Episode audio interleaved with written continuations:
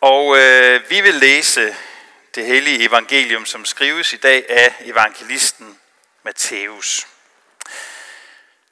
På den tid tog Jesus til ord og sagde, Jeg priser dig, far, himlens og jordens herre, fordi du har skjult dette for vise og forstandige og åbenbaret det for umyndige.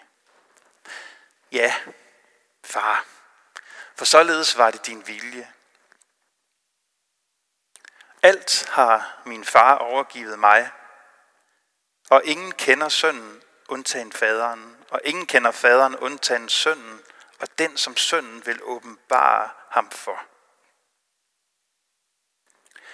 Kom til mig, alle I, som slider jer trætte og bærer tunge byrder, og jeg vil give jer hvile. Tag mit å på jer, og lær af mig, for jeg er sagt modig og ydmyg af hjertet, så skal I finde hvile for jeres sjæle.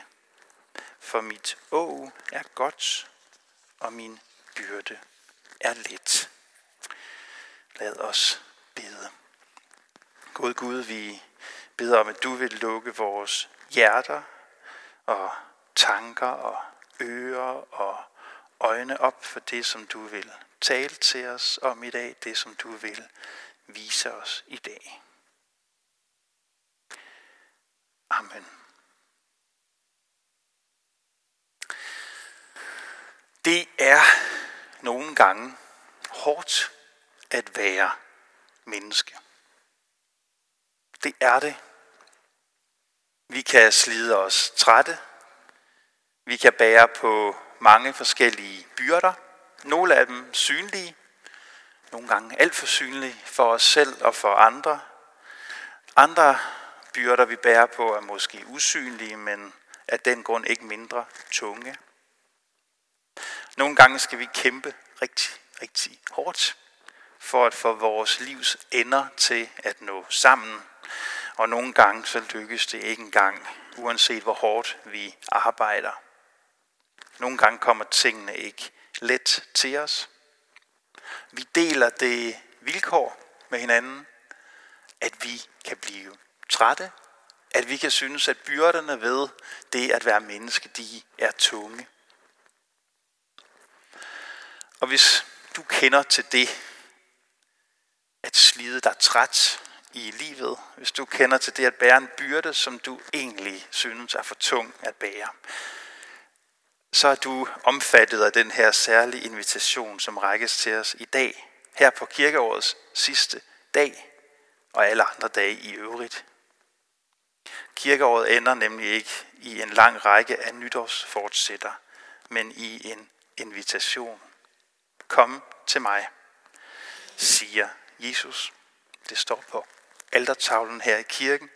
Alle I, som slider jer trætte og bærer tunge byrder, og jeg vil give jer hvile. Den invitation vil jeg gerne pakke lidt op for sammen med jer i dag.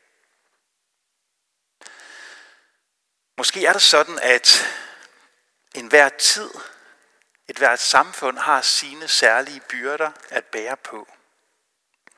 I dag er i vores samfund, i vores tid, er stress, udbrændthed, depressioner blevet folkelidelser.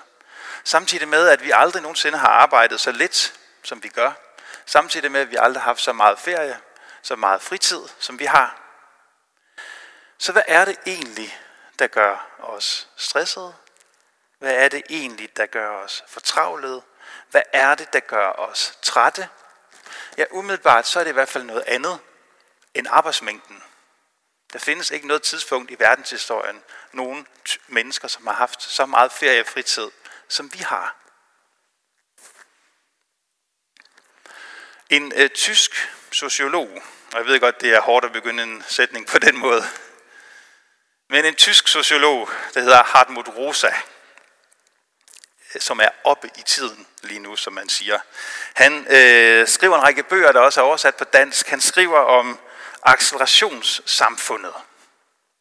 I en fantastisk spændende bog, jeg er i gang med at læse, der hedder Det ukontrollerbare så argumenterer han for, at den største byrde for os mennesker i dag, det der gør os mest trætte i vores samfund i dag, det er, at vi vil have kontrol over livet, over verden, over døden. Det tvinger os op i fart, siger han. Og det gør os fremmed for det liv, det egentlige liv, som opstår i mødet med det, vi ikke kan kontrollere. For Hartmut Rosa, så er det en grundlæggende tanke, at verden er blevet et, han kalder det et aggressionspunkt. Og med det mener han, at det senmoderne menneske, altså sådan nogen som os, vi stræber efter at vinde kontrol over alle dele af verden. Verden skal erobres, kontrolområder skal udvides, livet er blevet noget, vi skal overvinde, have kontrol over. Han siger sådan her. Hverdagslivet for det gennemsnitlige senmoderne menneske. Sådan nogen som de fleste af os. Koncentreres og udmattes mere og mere i forsøget på at komme igennem den eksploderende to-do-liste. Nogen, der kender det?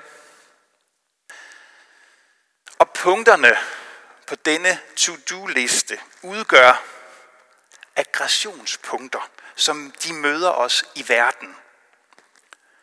Opringningen til den plejekrævende tante, indkøb, lægebesøg, arbejde, fødselsdagsfejring, yogakursus, overstå, sørge for, rydde op, mestre, klare, afslutte.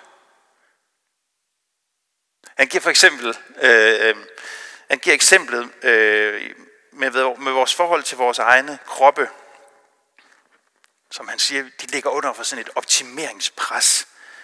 Måske skal man tabe sig, måske skal man tage flere muskler på, måske er der bumser, der skal væk, rynker, der skal væk, måske er der blodtryk, der skal ned. Nogle af os bliver sådan her midt i 40'erne sendt til læge af vores kone og øh, bliver tjekket for kolesterol og for at vide, at det tal det er højt, og man skal spise flere broccoli. Vi tæller skridt, fordi antallet af de skridt, vi går til dagligt, skal op. Vores krop er altså blevet en udfordring, der skal klares. Og, siger Hartmut Rosa, også det, der ligger uden for os selv, er blevet udfordringer, der skal mestres. Han fortsætter, citerer jeg. Der er bjerge, der skal bestiges. Eksamener, der skal bestås. Trin på karrierestigen, der skal nås. Kærester, der skal erobres. Steder, der skal besøges og fotograferes. Det må man virkelig have set. Bøger, der skal læses. Den må man virkelig have læst. Film, der skal ses. Og så videre. Er der noget at sige til, at man kan blive træt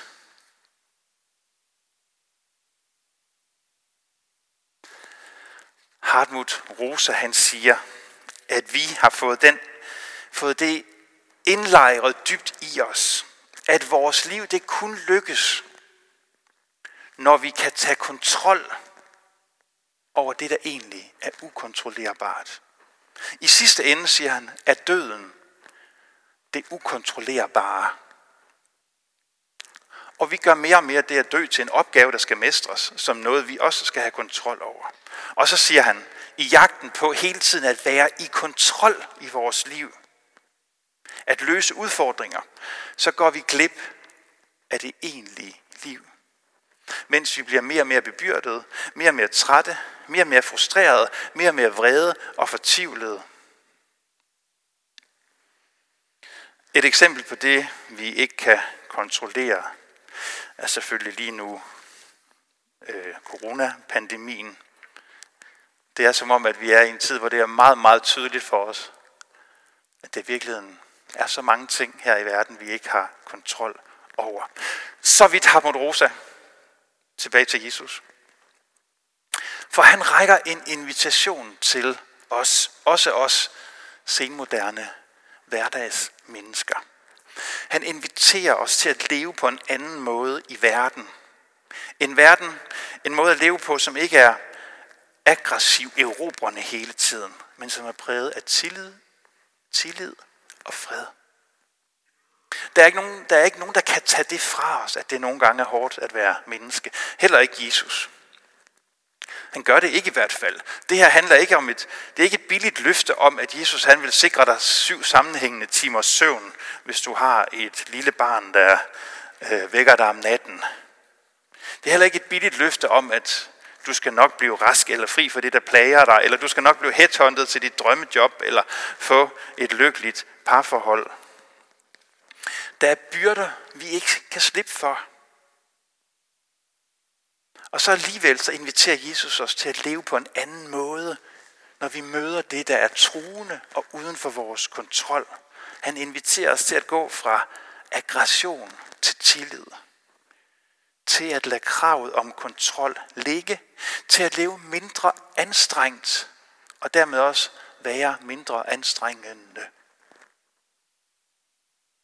Han siger, Jesus, at han selv vil være et hvilepunkt i vores liv, i vores verden.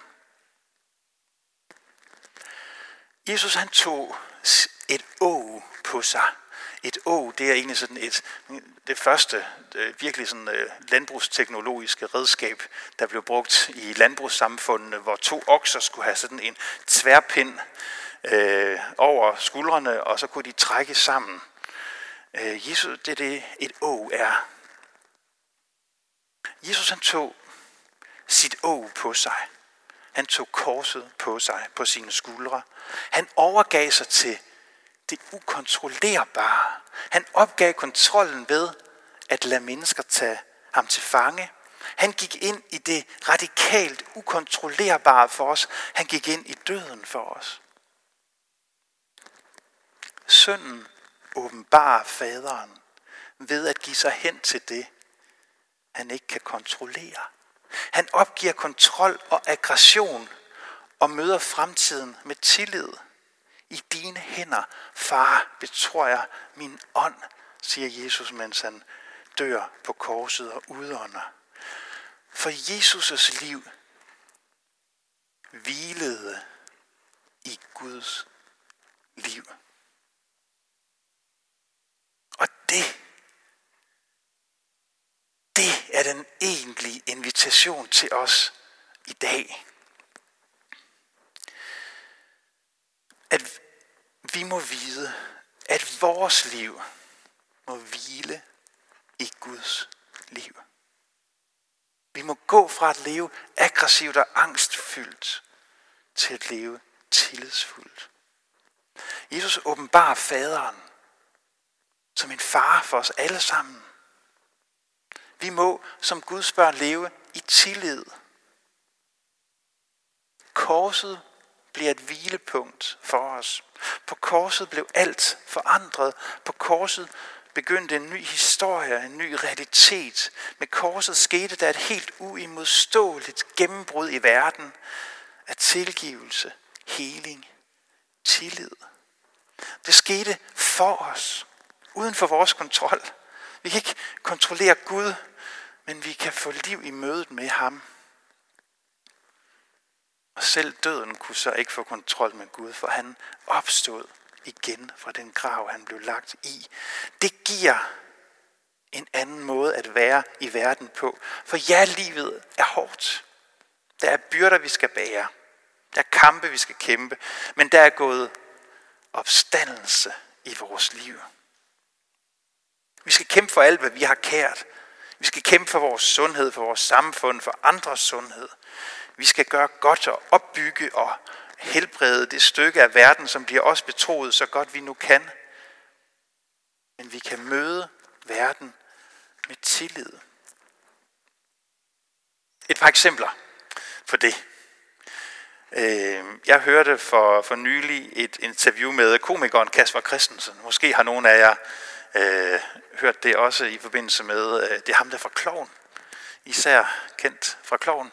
Øh, måske har nogen af jer mødt, han, øh, læst hans, øh, hans nye bog, hans selvbiografi. Han giver et interview, øh, hvor han fortæller om, hvordan han er kommet til at tro på, på Jesus. Han er opmærksom på at bruge ordet Jesus, som han siger er det største tabu, han nogensinde har mødt, og han har ellers sat ord på en del tabuer. Øh, I interviewet her fortæller han om, hvad det har betydet for ham at komme til at tro på Jesus. Og så siger han blandt andet, at øh, han, når han øh, plejer at stille op til interviews, som foregår live, på, øh, altså direkte på tv eller direkte på radio, så bliver man altid sådan lidt anspændt, når man tæller ned og siger 3, 2, 1. Og man trykker på knappen, og man er live. Og så siger han, efter jeg kom til at tro på Jesus, så er den nervøsitet helt væk, siger han. Og så siger han det underligt, fordi jeg ved, jeg er her med den store. Jeg er her med min storebror. Og, og, og jeg ved, at, at, at han skal nok hjælpe mig med det her. Og jeg synes, det er sådan et forunderligt eksempel på, og at et interview er gået fra at skulle være noget, der skulle overvindes, mestres, erobres, til at være noget, han kunne møde i tillid. Jeg er her med den store. Hvad du end skal møde i dit liv, hvad jeg end skal møde i mit liv, i den uge, der ligger foran os, så kan vi sige, jeg er her med den store. Jeg er her med min storebror. Hvad der end sker, så er jeg her sammen med ham. Eller et andet eksempel. Og jeg skal selvfølgelig også give et teolog, en, han teolog som eksempel. I år er det 75 år siden, at den øh, tyske teolog Bonhoeffer, han blev slået ihjel af nazisterne i 2. verdenskrigs sidste dage. Kort inden han blev øh, fuldt ud til galgen i den fangelejr, hvor han var på grund af modstanden mod Hitler, så siger han til en af sine medfanger, at nu ved han, der ikke er den ting i hele verden, man nogensinde behøver at være bange for. Er det ikke smukt at kunne sige? I mødet med det radikalt ukontrollerbare, døden, galgen, henrettelse, kunne sige, der er ikke den ting, jeg behøver at være bange for. Der er ikke den ting, vi behøver nogensinde at frygte. Vi er her med den store. Det sagde han ikke, men... Og det sidste eksempel. Det næst sidste eksempel.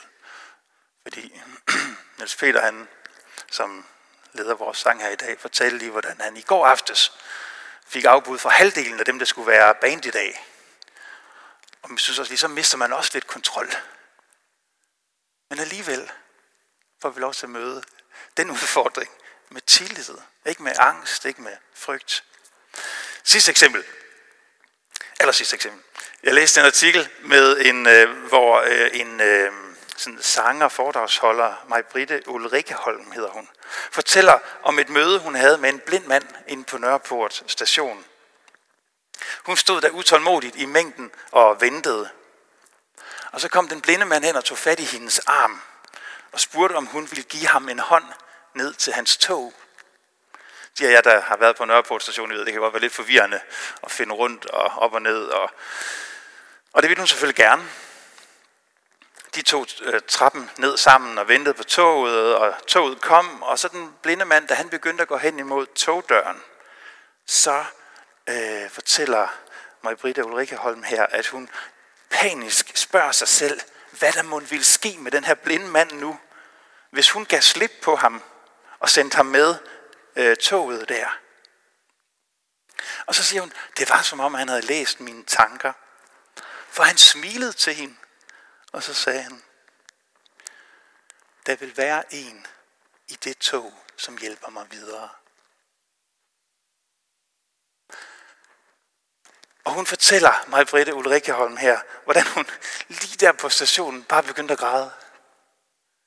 Fordi det gik pludselig op for hende, hvor lidt tillid hun havde til livet, til sig selv og til mennesker omkring hende. Der vil være en i det tog, som hjælper mig videre. Jeg synes, det er sådan et smukt udsagn fra et menneske, som vælger at leve i tillid og tro et menneske, der ikke lever styret af frygt og aggression. Et menneske, som har givet slip på kravet om at være i kontrol. Der vil være en i det tog, som hjælper mig videre. Sådan må vi leve som kristne. I tillid til, at hvor vi end skal hen, så vil det være en der, som hjælper os videre. Hvor du end skal hen, så vil det være en der, der hjælper dig videre. Med den tryghed, der kan vi modtage det ukontrollerbare i vores liv. Finde fred, hvile. Ah, selv når vi møder døden, vil der være en der, som hjælper os videre. Når livet trækker sig tilbage fra os, så har vi ikke kontrollen over noget som helst. Til gengæld har vi Kristus, som går der sammen med os. Ham må vi vende os til. Foran ham må vi lægge vores byrder, vores trætte sjæle og tanker. Vi må give ham både det bedste i os og det værste i os. Det er også titlen, det bedste og det værste på en sang, som vi nu vil synge som en bøn.